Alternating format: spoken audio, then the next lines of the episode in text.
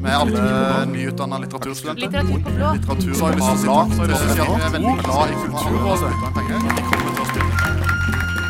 Ålreit, da setter vi i gang. I dag så skal vi ha en debatt om kanonisering av norsk litteratur. Hva er den beste litteraturen? Og Utgangspunktet for vår debatt er at Litteratur-Norge tidligere i vår holdt opp speilet og spurte hvem er den beste forfatteren i landet her. Og Det ble gjort flere forsøk på svar. Det kom både en lyrikkhåndbok, det kom en verdenslitteraturbok, det kom eh, Den norske litterære kanon fra 1900 til 1960 av Erik Bjerkhagen og Petter Oslestad. Redigerte den.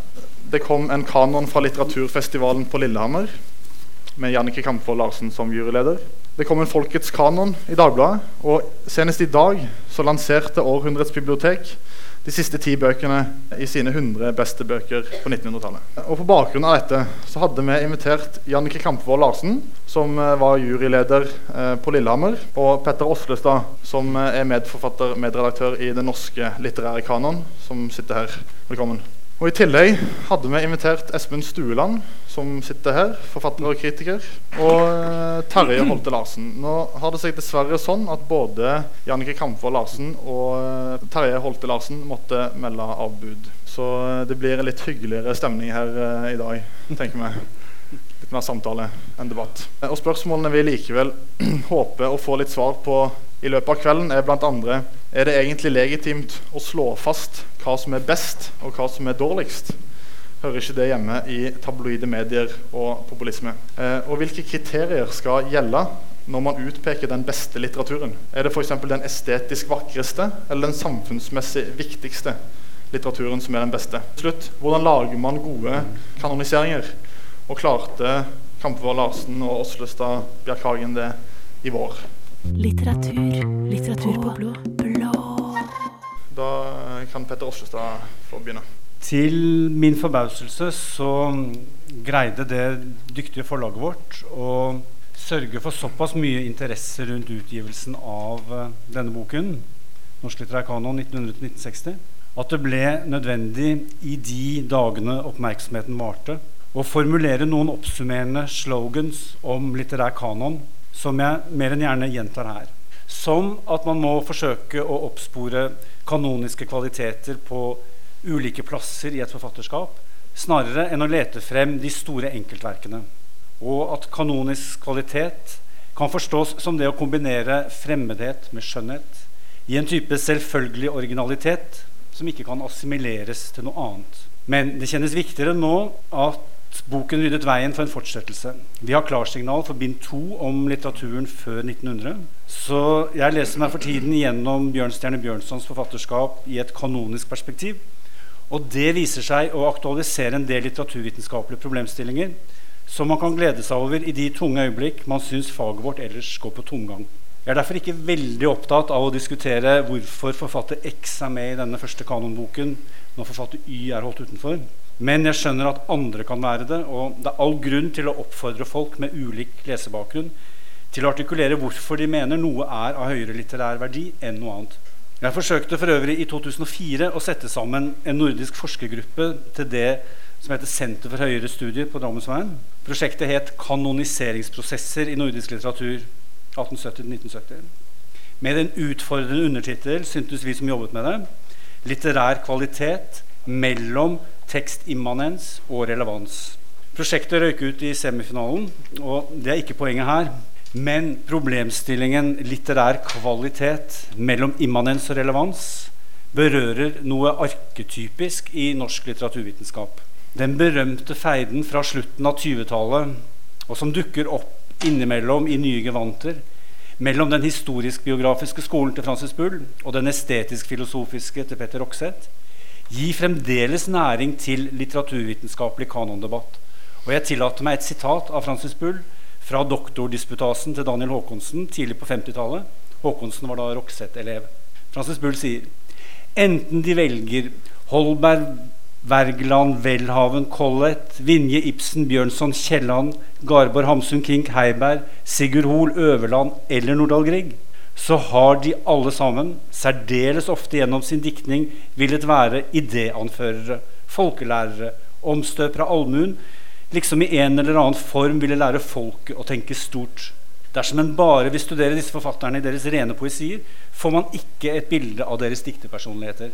I den lange listen så nevner Francis Bull ikke Jonas Lie, og jeg brukte denne lapsus som fraspark til en fortellerteknisk avhandling om Jonas Lies romankunst. Og ved å holde problemer under debattperspektivet utenfor fremsto Lie i min rene tekstundersøkelse som en sublim romandikter, skrivende helt på grensen av hva det episke kunne tåle. Men jeg er da vel vitende om at dersom vi nå skal plassere Jonas Lie inn i en norsk litterær kanon, så må vi også fokusere på hvordan Lie i familien på Gilje skildrer kvinnens stilling på en slik måte at publikum kjenner igjen både forfatterens tid, fiksjonens tid, seg selv og sin egen tid. Og kanskje vil dette publikum fortsette å gjøre det i 100 år til. Med andre ord, relevansen kan ikke holdes utenfor verkimmanensen dersom perspektivet er litterær kvalitet metodisk å utforske spenningen mellom de verkimmanente strukturene og den relevans som teksten har vært tillagt, ser jeg som teoretisk, metodisk og formidlingsmessig utviklende. Og Dermed blir kanondebatt også noe som bringer faget litteraturvitenskap videre. Litteratur på blå. Hver tirsdag fra klokka sju og på Radio Nova klokka elleve. Utgangspunktet mitt er jo et eh, ganske annet, da. Fordi jeg er ikke innenfor noen uh, institusjon. Eller det er jo i aller høyeste grad. Jeg er poet, men jeg er ikke innenfor en akademisk institusjon. Jeg har lyst til å starte med å lese et dikt av en amerikansk poet som heter Kenneth Patchen. Det diktet er fra 1936, og han var 25 år gammel da han skrev det. akkurat i starten på sitt litterære løp. og det går sånn i de menneskelige hendelsers tid. Slukk lysene rundt statuene. Lås opp kjellerne av uhogd stein. Klor ned en lov for nye mennesker. Verdsett de andre høyt. Ikke glem hva de har gjort. Ikke knus. De bygger en verden vi ikke kan bruke. De la kursen rakt inn i smellet. Tida er ute. Teppet er falt. Vi tar makta. Synd de la igjen så lite. Lurer på om noen vil si om oss ikke glem, ikke knus. Og vil de mene det slik vi gjør nå? Slukk lysene rundt statuene. Hva kler den døde seg i til neste år? Personlig holder jeg dette for å være et uh, usedvanlig vakkert og viktig dikt. Og jeg tror jeg kunne snakke om det en hel kveld uten at jeg skal gjøre det. Men i det minste et par ord om hvorfor dette diktet treffer meg så veldig. Frekt og fandenivoldsk som en kjærlig rebell låner Patchen direkte fra åpningen til den amerikanske uavhengighetserklæringen fra 1776, som lyder When in the course of human events, som Eivind Berg har oversatt med I de menneskelige hendelsers tid. Og i erklæringa lyder fortsettelsen slik It becomes necessary for a people to advance from that subordination in which they have hitherto remained. Som poet låner du ikke en sånn opptakt med mindre du har seriøse hensikter. Og det hadde Patchen. Han snakka fra en underprivilegert posisjon. Diktet er en analyse av hans situasjon som sosialt menneske der og da. Rebelsk fordi situasjonen tvinger ham til det. De bygget en verden vi ikke kan bruke. De la kursen rakt inn i smellet. Lyder det bittert. Men bitterheten er ikke avmektig og inneholder ikke en drøm om autonomi eller absolutt negasjon. Det snakkes om å verdsette, og det er et vi. Patchen er bekymra for framtida, i en tid med arbeidsledighet og av krigshissere, 1930-åra. Vi tar makta, lyder det impulsivt, uten at jeg tror det målbærer en drøm om å overta og internalisere samfunnets verdier, som er lite fristende. Cindy la igjen så lite, lyder det jo. Det er manko på samfunnet der ute. Patchen ser tilstrekkelig klart hvilken kurs politikerne har staka ut for framtida, og på en eller annen måte må den kursen korrigeres. Prognosene er dårlige. De la kursen rakt inn i smellet. En forestående krig synes uunngåelig. Patchens posisjon er pasifistisk, men ambivalent. Å brenne alle bruer er destruktivt. Andre skal tross alt ferdes over disse kløftene. Det må klores ned en ny uavhengighetserklæring for nye mennesker. Den nåværende mangler legitimitet. Så ikke piss på monumentene.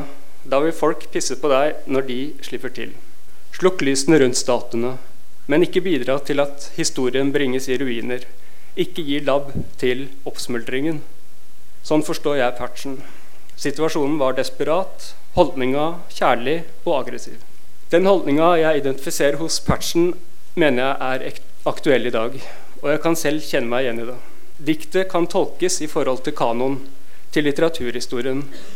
Sett biblioteket der han skriver stater, og kanon der han skriver lov. Biblioteket er i dag et sted som får stadig mindre dårligere betingelser for å ivareta sin funksjon som arkiv og minne. Ikke alle ønsker biblioteket det beste, eller ser verdien av mangfold. Har det synspunktet noe i en kanondebatt å gjøre? Jeg håper det. For det er et aksjonistisk synspunkt. Og med aksjonisme mener jeg ord, meninger, argumenter, holdninger og verdier. En poet kan vel med en viss rett plassere seg i en fristilt posisjon overfor den litterære arven. Han tar det han kan bruke, og driter i resten. Han overlater til akademia og kritikerne å sikre den nasjonale litterære arven på en måte som gjør at folk finner det bryet verdt.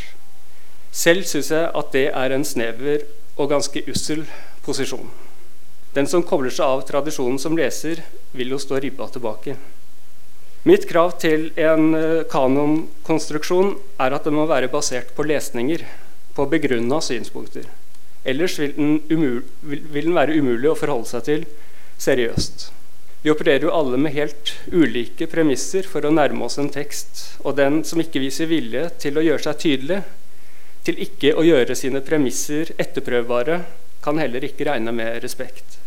Det er selvsagt ikke noe å si på at A og B mener at vi bør lese Snorre eller eventyr eller Jon Fosse, men uh, f.eks. Lillehammer-kanon den mener jeg ikke kan beskyldes for å ha anstrengt seg for å begrunne sine valg. Jeg har lyst til å si et par ord om uh, det som var den tradisjonelle, eller den stereotype reaksjonen fra forfatterne da denne kanonlista kom i vår. Jeg mener at den var overraskende homogen. De fleste svarene var variasjoner over temaet 'litteratur er ikke noe som kan måles i størst, best, mest og flest'. Nesten alle svarene i Dagbladet og intervjuer og sånn i Aftenposten så, så gikk variasjoner over det igjen. Så ingen forfatter vil altså forstyrres i troen på at eh, han eller hun er unik, og sår derfor tvil om at bøker kan sammenlignes. Enhver bok vil forfatteren være tilbøyelig til å mene er helt unik. Så en gjennomsnittsforfatter vil altså føle at det hele er rodd i land med et utsagn om at det er det ingen konkurranse, og utlagt her skal vi ikke ha noe av at posisjonene trues. Men siden kanon gjør akkurat det, så vil forfatteren i neste omgang være strateg nok til å nedskalere kanons betydning som sådan. Dette er bare en intellektuell selskapslek, vil det hete da.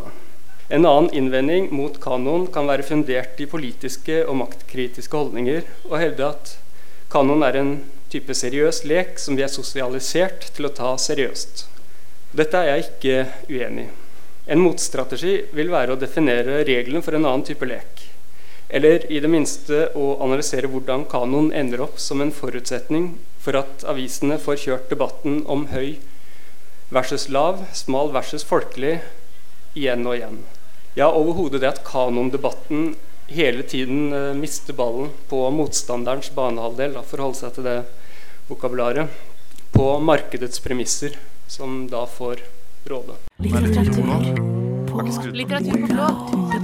Petter Oslestad har lyst Ja, jeg syns det var interessant å, å høre kanonrefleksjoner fra, fra en forfatters vinkel. Eh, jeg har ikke tenkt på at uh, forfattere er så strategiske. Det er de selvfølgelig. Men uh, det var veldig interessant å komme inn i den tankegangen. Det du um, satte som et krav til det å arbeide med kanon, hvis jeg forsto deg rett, det hadde å gjøre med å gjøre sine premisser kjente og etterprøvbare. Og da, da, er vi jo over i enhver type vitenskapelig aktivitet som er kjennetegnet av at du gjør dine premisser etterprøvbare. Så, sånn sett så mener jeg også at det er veldig mye som uh, med rette kan, kan, kalles forskning og akademisk uh, arbeid. Så kan du selvfølgelig spørre gjorde vi våre premisser etterprøvbare i den boken. Det må du gjerne gjøre. Ja. og det kom, kommer neppe til å svare. Jeg brenner etter å gjøre det. Har lurt meg selv ut på farlig om vann. Ja. Farvann. Nei, altså ja, det, det, jeg vil etterlyse i den kanonboka som dere skrev, da, det er jo Det er flere ting. Men uh, blant annet så, så, savner jeg jo veldig en uh, historisk uh, fundering. Det snakka du om i innlegget ditt, at det, det er noe du for forsvarer. men i boka så, så etterlyser jeg det. Så jeg mener at uh, mange av disse forfatterskapene de, uh, de overbringes til oss uh, ut fra forutsetninger som, som, ikke blir gjort klart, men som om disse forfatterne alltid har vært kanoniske. Og det kjenner ikke jeg litteraturhistoria godt nok til å vite om de har. Men mm. Kan du utdype litt hva du mener med akkurat, akkurat det? At, ja, altså F.eks. Uh, hele det elementet med resepsjonshistorie, kritikken, hvordan de ble mottatt i samtida si.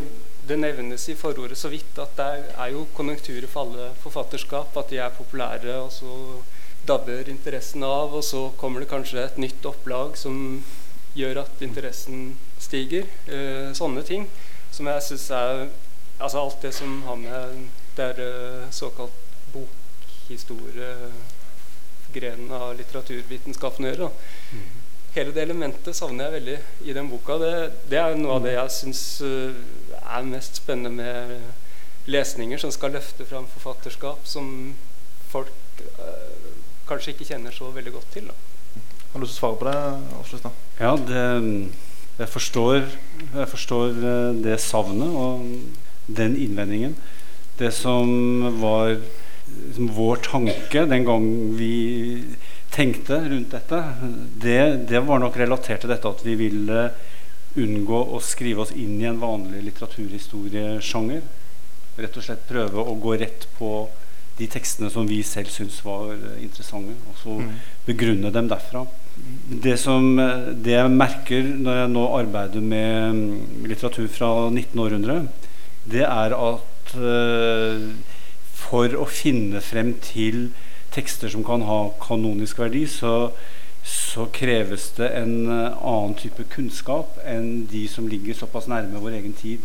Altså, du er faktisk nødt til å mobilisere en del av din, din allmenne kunnskap og dannelse for å kunne få noe ut av å lese Bjørnson, f.eks. Et, et spørsmål til deg. fordi du nevner i, eller Dere nevner i innledningen til Den norske litterære kanon at vi som har skrevet boken, tror ikke at vi mener nøyaktig det samme med litterær kvalitet. Og at viktigere enn å forklare hva kvalitet er, har det i denne boken vært å fortelle at kvalitet fortsatt er til stede. Og Samtidig så sier dere at litterære kvaliteter trenger all den reklame de kan få.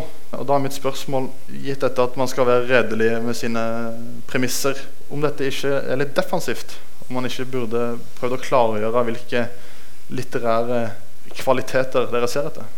Altså jeg tror det på en måte er et spørsmål som, eh, som kanskje løser seg mer etter at vi var ferdig med boka, og kanskje kan finne en, en løsning i neste, i neste bind. Altså, vi tok utgangspunkt i det vi syns var fine tekster, og det er vi vel som akademikere akademiker ikke nødvendigvis veldig vant til å, å fremheve hva det er vi regner som god kvalitet. og uh, Sånn sett så var det utfordrende. altså Du prøver å skrive deg frem til noe som du vet er der, men som du ikke helt vet hvordan du skal uh, gripe fatt i. Så jeg tror på en måte at vi kan uh, etter hvert kanskje finne en, en, type metodikk for å finne frem til den litterære kvaliteten, vel vitende om at den både er kontekstuell og verkimmanent. Så det, så det er jo et uh, det er jo ikke noe, Du får jo ikke ned det der på en formel. Du vil måtte uteske det i hvert, hvert enkelttilfelle.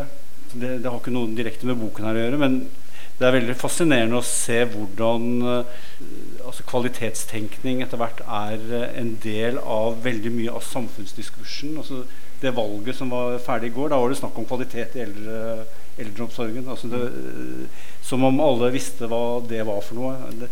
Og det, det, finner vi i veldig mange av samfunnskroppen vår for tiden. Denne veldige fokuseringen på kvalitet. og ingen, Det er ikke bare litteraturvitere som ikke vet uh, presist hva som ligger i den kvaliteten. men vi har kanskje den driften at vi skriver oss frem mot det vi ikke vet hva er. Mm.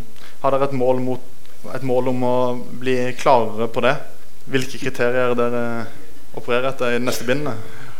Ja det, ja, det, er et flott mål. Mm. Det er jo ikke Eh, den er jo da ikke skrevet ennå, så vi vet jo ikke om det Det målet kan jo sikkert bli borte underveis, ja. men, eh, men, eh, det kan være en, en, drift for å få frem skrift. Ja. Mm. Litteratur på blå. Hva sier du, Stueland? bør man forfølge et prosjekt om å presisere hvilke kvalitetskriterier man bruker for å velge ut en kanon? Det, det jeg i hvert fall syns kan være vanskelig, det er når altså Det nevnes i forordet at Eh, lest opp mot de beste utenlandske, så holder, holder, disse norske forfatterne her mål. Men uten at det sammenlignes med nesten en eneste utenlandsk forfatter. Og da blir målet på Dun det blir et annet sitat fra Dun. Eh, målet på Olav og Hauge det blir et annet sitat hos Olav og Hauge. Så alt blir på en måte veldig internt. Da. Og det er sikkert noe av problemet med, med å skrive en nasjonal kanon. Det, det, skjønner jeg jo. Det er veldig vanskelig. Hvor mye skal man egentlig dra inn? Det kan jo bli helt umulig hvis man skal dra inn hele lasset av uh, verdenslitteratur fra samme epoke for å plassere det. Men likevel så, så blir det et uh, veldig problem når det, blir, det blir ikke bunn i sitatet, på en måte. Man kunne tatt så mange. Stuland, du, du, sier at uh, et krav for en god kanonisering er at man presenterer en god lesning av litteraturen. Mm. Uh, og f.eks. den listen som kom fra uh, kanonjuryen på Lillehammer, den inneholder vel knapt noe man kan kalle lesning av litteraturen. Vil du da si at den type kanonlister er helt illegitimt? Jeg vet ikke, men det, det virker jo litt som en sånn uh, oppspillspunkt for uh, at, skal, at, Lillehammer litteraturfestival skal få så og så mye oppmerksomhet i mediene. Men det, er, det, det fungerer jo på sine premisser. Men jeg tror ikke det vil etterlate seg så veldig dype spor. I og med at det ikke det etablerer ikke noen nye lesninger. Det bringer ikke noe nytt om de forfatterskapene de, eller de forfatterne de har lyst til å trekke fram i lyset. Det er jo en kjent sak at Fosse og Ibsen og Per Gynt er bra, liksom, men mm. Jeg ha lyst til å si at jeg har, jeg har eh, sans for de innvendingene dine, og de, eh, de er uh, sikkert riktige. Som, uh, den gleden jeg hadde av å drive med dette, var å prøve å, å tilnærme meg en type litteraturhistorieskrivning på en litt annen måte enn jeg hadde gjort tidligere.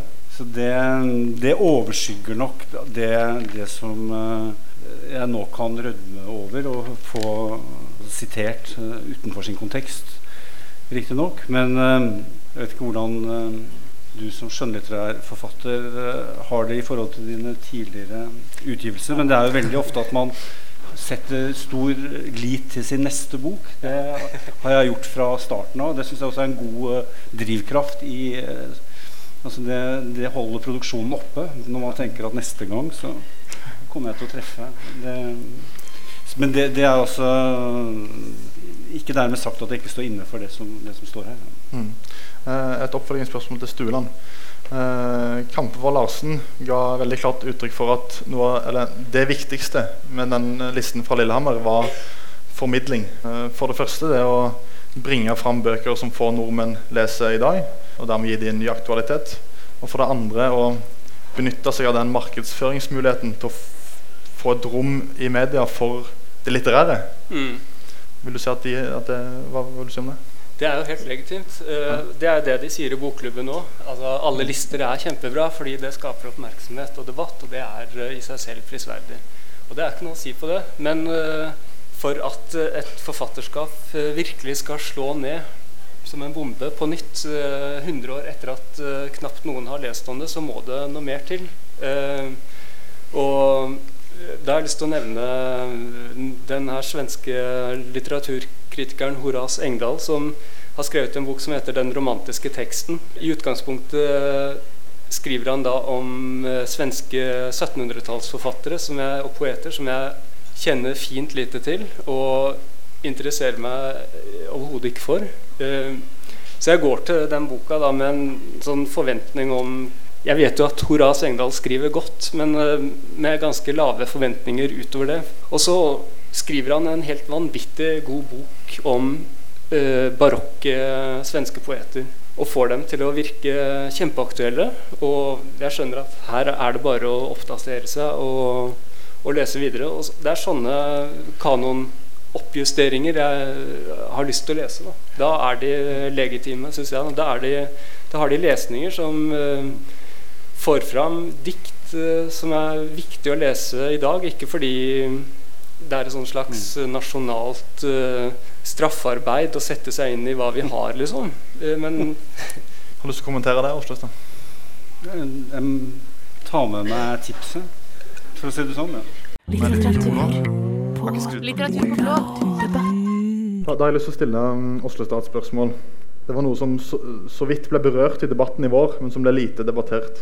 Det var dette forholdet mellom uh, hvorvidt man skal vurdere litteraturen ut fra rene estetiske kriterier, poetiske virkemidler og den type ting. Eller om man skal se på hvor viktig litteraturen har vært i sin samtid, politisk, sosialt eller den type ting. Og Det blir det ikke helt tydelig hos dere hva dere har vektla, vektlagt. Hva tenker du om det? Altså, jeg prøvde å, å si noe i innlegget mitt om den, den spenningen som ligger mellom, mellom det. Jeg syns nok at uh, den listen i Lillehammer, den, uh, den syns jeg hadde noen betenkelige sider som uh, Irene Iversen var veldig kjapt ute med å kommentere. Dette at forfattere fra det moderne gjennombrudd og fra, fra 1900 og fra altså det radikale trekløver på, på 30-tallet ikke, ikke, er med. Mm. forfattere som, som, har stått i et veldig sånn utvekslingsforhold med, med sin samtid. Men det er klart at det, det, er også av og til vanskelig å lese de uh, forfatterne som uh, er så tett på sin egen, uh, egen samfunnsvirkelighet, fordi de, vi, kan mangle en del referanser. Kroneksempelet er vel Dantes Divina Comedia, som hele veien har referanser til personer som nærmest bare han kjente, men som da Dante-forskere da heldigvis gir opplysninger om i fotnotene. Men jeg syns nok at nå som vi da i litteraturvitenskapen så lenge har vært tekstimmanente, veldig opptatt av, av, nærlesninger, og at vi nå på en måte har begynt å løse opp mot en bredere kontekstforståelse, så, så vil jeg nok, i hvert fall selv i videre arbeid, forsøke å å trekke det, det, samfunnsmessige mer inn også i en sånn kanondrøfting. Vi har holdt på veldig lenge, og jeg selv har vært en veldig ivrig mm, talsmann for det å studere tekststrukturer. Det har vært veldig mye ugjort arbeid i norsk litteratur fordi man har vært så opptatt av den gode intensjonen og har ikke på en måte vurdert det estetiske. Men, mm. men å gå bort nå tror jeg på en måte vi kan greie å se den utvekslingen mellom struktur og, og kontekst. Mm. På nye måter. Men ja. metodikken har vi enda ikke. og Derfor er, det, derfor er dette et eh, felt som er interessant å jobbe med. litteraturvitenskapelig. Ja. Stula, hva, hva, vil du si om det? det ja, det, det, høres spennende ut. Det er det jeg etterlyser, egentlig. Um, er, det, er det det vakre som er viktigst, eller er det det samfunns... Uh det er helt klart det, det samfunnsmessige og mm. resepsjonshistorien og hvorfor verk har vært omstridt i samtida si, og hvilke usynliggjøringsmekanismer som har fungert. Og, altså, ja, med sånne ting. Som er selvfølgelig ikke bare bare å påpeke hvorfor det er sånn. Det er vanskelig. Det er mye enklere å si at noe er skjønt og vakkert. Uh, flikke litt på en eller annen fin definisjon om kvalitet. Det er ikke så vanskelig, tror jeg. Men det, er, men det, er, jo ganske kjedelig å lese verk som har vært uh, politisk betydningsfulle, men som fremdeles, altså som i dag ikke appellerer til oss. Altså det, det, ja. det, er jo der jeg syns den kanontenkningen uh, gir noe ekstra. Fordi du kan ikke heller fortape deg i det rent historiske. Jeg har lyst til å stille deg spørsmål om akkurat det. fordi Du, du nevner konkret i et uh, kapittel så refererer du til Harold Bloom, og som du også nevnte dette med at man kombinerer fremmedhet med skjønnhet. Uh, en slags fremmedhet som ikke lar seg assimilere. Det er vel, det, så vidt jeg kunne oppfatte, det kanoniske kriteriet du, du har kommet fram til. Har du, har du lyst til å si litt om hva det innebærer?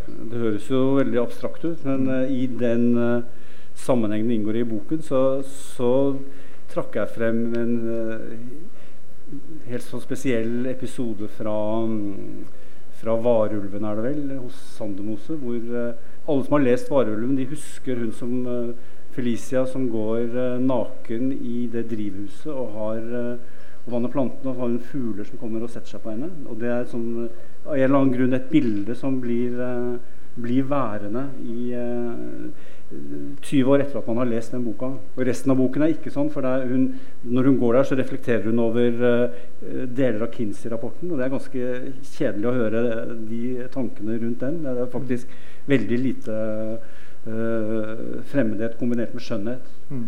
Det, det, det, det, er noen sånne bilder som jeg da har eh, jeg håper å si, interesse av å prøve å finne ut uh, hva er for noe. Er det det samme som å fremheve en slags sånn estetisk underliggjøring? Som er det du, det du trekker frem nå. Og det, det, står vel litt da i motsetning til mer det samfunnskontekstperspektivet? Jo, men samtidig så Denne kombinasjonen fremmedhet med skjønnhet, den er da ikke Den stopper ikke med den, det underliggjørende, fordi den, den har også en som Bloom sier, en selvfølgelig originalitet som ikke gjør at man oversetter det til noe annet. Jeg ser ikke at det kommer i noen konflikt med det, det samfunnsmessige. Litteratur på, blå. Are Lindeberg, litteraturprofessor i eh, Bergen, har hevda at Harold Bloom, som har skrevet en eh, stor kanonbok om de viktigste eh, litterære verkene i Vesten, at hans forsvar for den vestlige kanon utgjør et angrep på det fremmedkulturelle som trussel mot Vesten. Og På samme måte kunne man kanskje si at det å etablere en form for sentralkulturell litterær kanon i Norge bidrar til å undertrykke alle de alternative strømningene.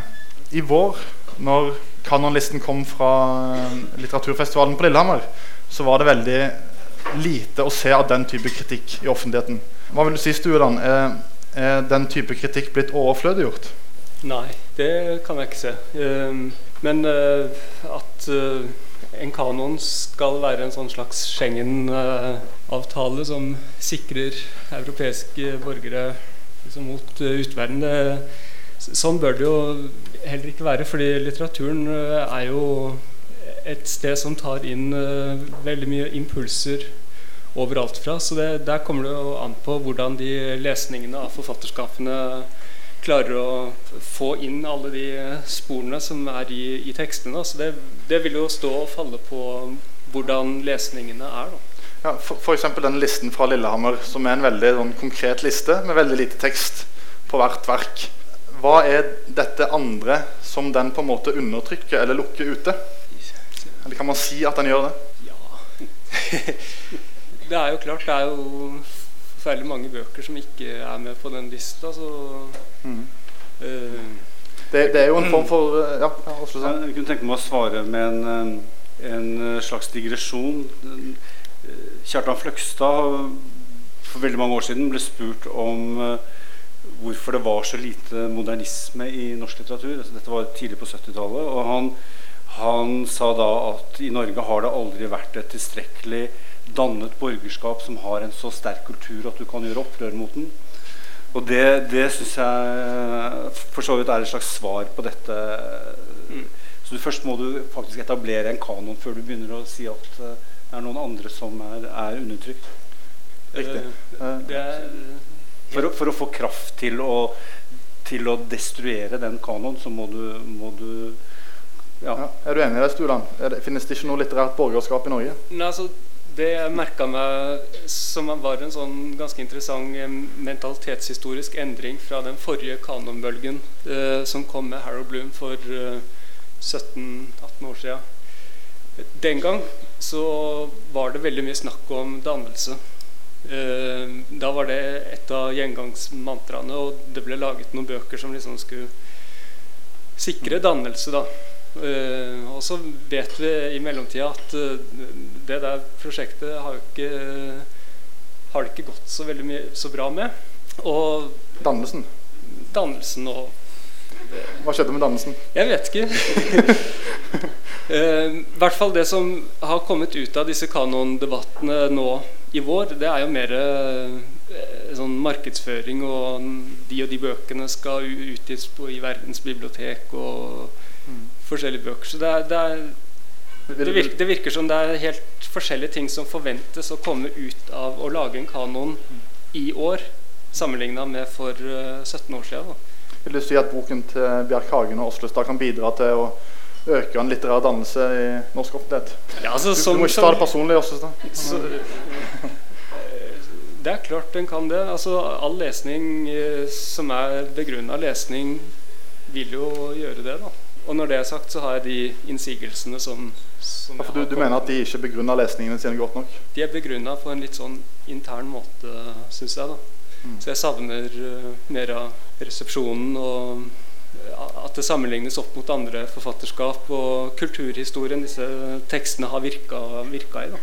Eh, hva vil du si selv, Oslestad, er det en målsetning med disse tre bindene som etter hvert kommer, å bidra til en økt litterær dannelse og kanskje å skape et litterært borgerskap i, i Norge som man kan gjøre opprør mot? da, kanskje?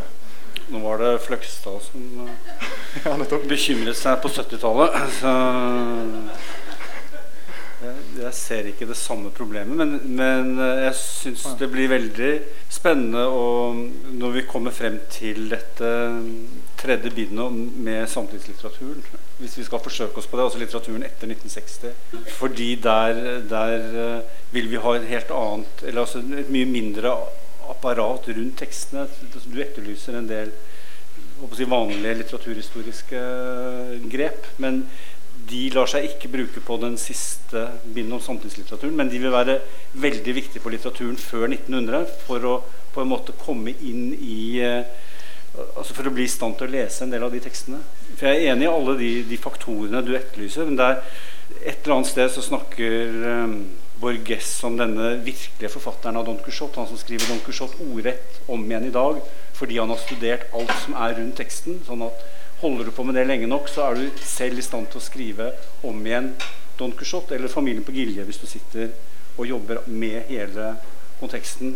Og det, det var ikke dette prosjektet. Vi gikk da liksom rett på våre egne preferanser og så, så om det lot seg gjøre. Men det, det har vi på en måte, syns jeg, nå sagt mm. tilstrekkelig ganger, så jeg tror ikke det blir noe det, er, det, har vært bare et slags metodegrep, og den mm. Jeg kjenner ikke veldig behov for å, å, å hause opp det noe så, til noe verdi utover at det passer til den boka der og da. Trond Berg Eriksen er jo en av de som etterlyste eh, dannelse på 90-tallet. Eh, og han kommenterte deres bok 22.6 i Morgenbladet. Og Da sa han at de fire forfatterne har funnet samme tone. Det er vel å merke en ny stemme, en ny type stemme fra et fagfelt som hadde gått seg bort i franskinspirerte naraktigheter og teoretisk amatørskap. Er dette en ny, eh, ny utvikling, altså, denne kanoniseringsbølgen? Ja, om ikke kanoniseringsbølgen, så er det, er det vel uh, veldig mange litteraturvitere som gjør på en måte det samme som forfattere. altså Man forsøker å å skrive seg ut av den uh, automatismen man etter hvert kommer inn i. Altså dette, dette, var på en måte et forsøk på å bryte den vanlige litteraturvitenskapelige flinkheten som du på en måte etterlyser. Men det, det er befriende å gå ut av, uh, ut av det vanlige mønsteret for å se om man, man kan komme frem et, et annet sted. Hva, hva, vil du si er dette nye uh, dere har gjort? Hvilket mønster er det dere har brutt? Nei, altså det, ved å forsøke å gå rett på tekstene som vi har uh, affinitet for, og prøve å finne ut hva det ligger i det. Det, det vi, snakket vi mye om før pausen. så det, det, Noe særlig mye mer enn det er det ikke, men det, det medførte i hvert fall at vi var Vi følte oss i hvert fall litt frekkere enn det vi vanligvis eh, tillater oss i, i den type litteratur. Og så gir det kanskje noen metodiske gevinster som man kan bruke i uh, mer uh, si, seriøs forskningslitteratur. Ja. Mm. At det er en utveksling mellom uh, dette, som da selvfølgelig er et, også et formidlingsprosjekt. Jeg syns det var gøy å prøve å fortelle folk at det gir glede av å lese Sandmose. Ja. Jeg, spør deg, Stuland, dette, selv om du er kritiker og ikke forsker. Er du enig i at den utforskningen man gjør i norsk litterær kanon, kan bidra til noe nytt i en forskningsmessig kontekst?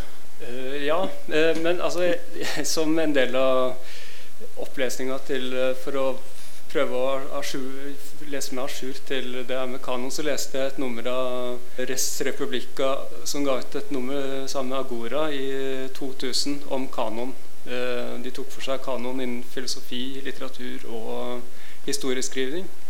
Og der var det to historikere som skrev om eh, Seip. Så jeg sammenligna det de skrev om Seip med det som sto i denne boka her. Da det, det, jeg så der, var at det var så vanvittig høy temperatur. Det sto så mye på spill da historikere skulle skrive om Seip. Og det, det, det gjør jo at man blir engasjert som leser òg. Eh, mens i den boka her så så ble Seim trukket fram for uh, at han har et språk som få andre historikere har. Altså Man var tilbake til uh, den estetiske vurderingen. Mm. Uh, og det, var liksom det, det, ble så flatt mm. i forhold. Det er jo ikke alle forfattere man skal ha så mye temperatur rundt heller. Altså det, det, må vurderes litt etter hvert hvilke forfatterskap det er også. Nei, jeg kan jo supplere spørsmålet opp og si Trond Berg Eisen har også etterlyst en litterær kanon som tar andre sjangere mer på alvor. Som kan la sakprosa utspille seg på sakprosaens egne premisser. Eh, og Det har jo også vært retta kritikk mot boken fordi eh, den analyserer eh, Jens Arup Seip da, på en estetisk måte, og ikke lar han komme til rette som sakprosaforfatter. Hva, hva tenker du om det? Litteratur på blå. Har sans for uh, Stuelands uh, metodiske tilnærming til dette. Å gå via historikere som har eh, uttalt seg om samme objektet, og at litteraturviteren da taper. Det, det har ikke alltid vært sånn. Litteraturvitenskapen var veldig på offensiven for 10-15 år siden, når vi på en måte eksporterte en del uh, teoretiske begreper til de andre vitenskapene. Da var, da var, alle, da var vi gjenstand for en slags beundring. Den tiden er vel forbi. Og det er på en måte da litteraturvitenskapens uh, problem, som kanskje da som du da greier å påpeke hist og her i denne boka. Så det, det har vi jo da godt av å få, få servert.